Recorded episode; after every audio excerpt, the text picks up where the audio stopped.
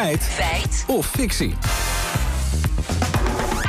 En dan gaan we het hebben over dat sexy onderwerp, Lambert. Ja, heerlijk. Gaan Daar we er zijn we lekker dan. voor zitten. Ja. Pensioenen als verkiezingsthema, daar gaan we. Ja, wat vandaag eh, staat in het Financieel Dagblad dat pensioenen ineens een thema is in de campagne. Met eh, Pieter Omzicht van NSC als eh, aanjager. De schrijvers van het stuk, Martine Wolzak en Puxi, die stellen pensioen is anders dan de AOW zelden een thema tijdens de Tweede Kamerverkiezingen. Oké, dus het is eigenlijk het is nooit een verkiezingsthema bij Tweede Kamerverkiezingen pensioen. Nee, dat zijn we dus even uit gaan zoeken. Allereerst eh, bij Simon Otjes, politicoloog en universitair docent Nederlandse politiek aan de Universiteit Leiden. Hij legt uit dat Omzicht de wet toekomst pensioenen op een aantal punten wil aanpassen. Ik denk dat omzicht in de eerste plaats typisch Pieter Omzicht is. Namelijk heel precies op de details. Wat, wat betekent dit? Wat, wat houdt deze wet in? Eh, ik denk dat het verhaal complexer wordt omdat Omzicht natuurlijk niet eh gisteren geboren is. Maar dat hij ook in de Kamer zat toen deze pensioenhervormingen eh, besproken werden. En als ik me goed herinner, pensioenwoordvoerder was toen hij namens het CDA deze wetten behandelde. En eh, volgens mij eh, was hij op dat moment voorstander van deze hervorming. Ja, Bastiaan Starink, bijzonder hoogleraar pensioenen en belasting aan Tilburg University, merkt dat dat voor ongeloof binnen de pensioensector zorgt. Ik merk het in de pensioensector eh, wel degelijk dat dat nu toch weer een onderwerp van discussie is. Kijk, we hebben natuurlijk 15 jaar gediscussieerd met elkaar en onderhandeld over dat nieuwe pensioenstelsel. Uiteindelijk heeft dat eh, tot een nieuwe wet geleid, de wet toekomst pensioenen, eh, per 30 mei. En eh, nou ja, de- iedereen in de sector is keihard aan het werk om, daar hebben we een paar jaar de tijd voor om dat nieuwe stelsel in te voeren.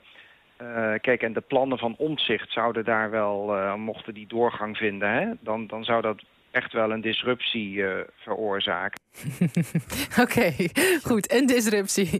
De sector denkt het het zijn er ervan. eh, maar dit is niet per se een graadmeter over wat de gemiddelde Nederlander meekrijgt over pensioenen in verkiezingsdebatten, toch? Nee, absoluut niet. En daarom hebben we niemand minder dan Charlotte Nijs van ons eigen opiniepanel gevraagd hoe dat dan precies zit. Zij heeft namelijk in juni, na invoering van die pensioenwet, verschillende leeftijdsgroepen gevraagd of zij zich zorgen maken over hun pensioen.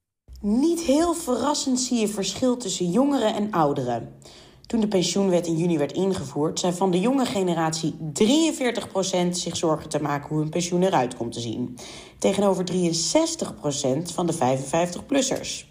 Deze groep was het meest bezorgd over hun potje voor de oude dag.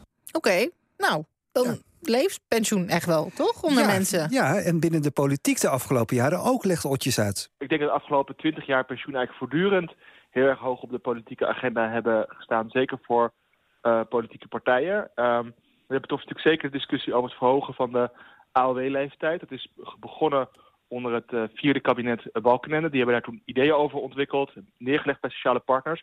En toen is het eigenlijk best lang gegaan over de discussie... Kunnen we de AOW, gaan we de AOW-leeftijd verhogen? Wat betekent dat voor, voor, voor allerlei eh, groepen die eronder zouden vallen? Met welke snelheid gaan we dat doen? En zeker tussen eh 2008 en 2012 was het een enorm politiek thema. Maar ook in de jaren daar weer voor, vertelt politicoloog Roderick Rekker van de Radboud Universiteit. 2004 wilde het kabinet Balkenende het FUT en de prepensioen eh, afschaffen. Eh, en ja, toen heeft het hele museumplein volgestaan. En ehm, twee jaar later hebben we een voor Nederlandse begrip een heel erg linkse verkiezingsuitslag gezien. Dat bijvoorbeeld 25 zetels voor de SP, die toen ook heel erg op dat thema campagne heeft gevoerd. Oké, terug naar het begin. Pensioen is zelden een verkiezingsthema bij Tweede Kamerverkiezingen. Nou, het is in ieder geval duidelijk dat Pieter Omtzigt druk bezig is met pensioenen, maar het komt dus niet helemaal uit de lucht vallen. De afgelopen jaren werd er namelijk al gediscussieerd over dat nieuwe pensioenstelsel. Dus de keuze voor het woordje zelden van het FD is dan wel wat apart. Maar we hebben geen compleet overzicht van alle verkiezingsthema's, heel veel meer van jaren terug. En omdat we altijd heel streng zijn naar anderen, moeten we dat nu ook naar onszelf zijn. Dus ja, voor nu is het toch een voorzichtige feit.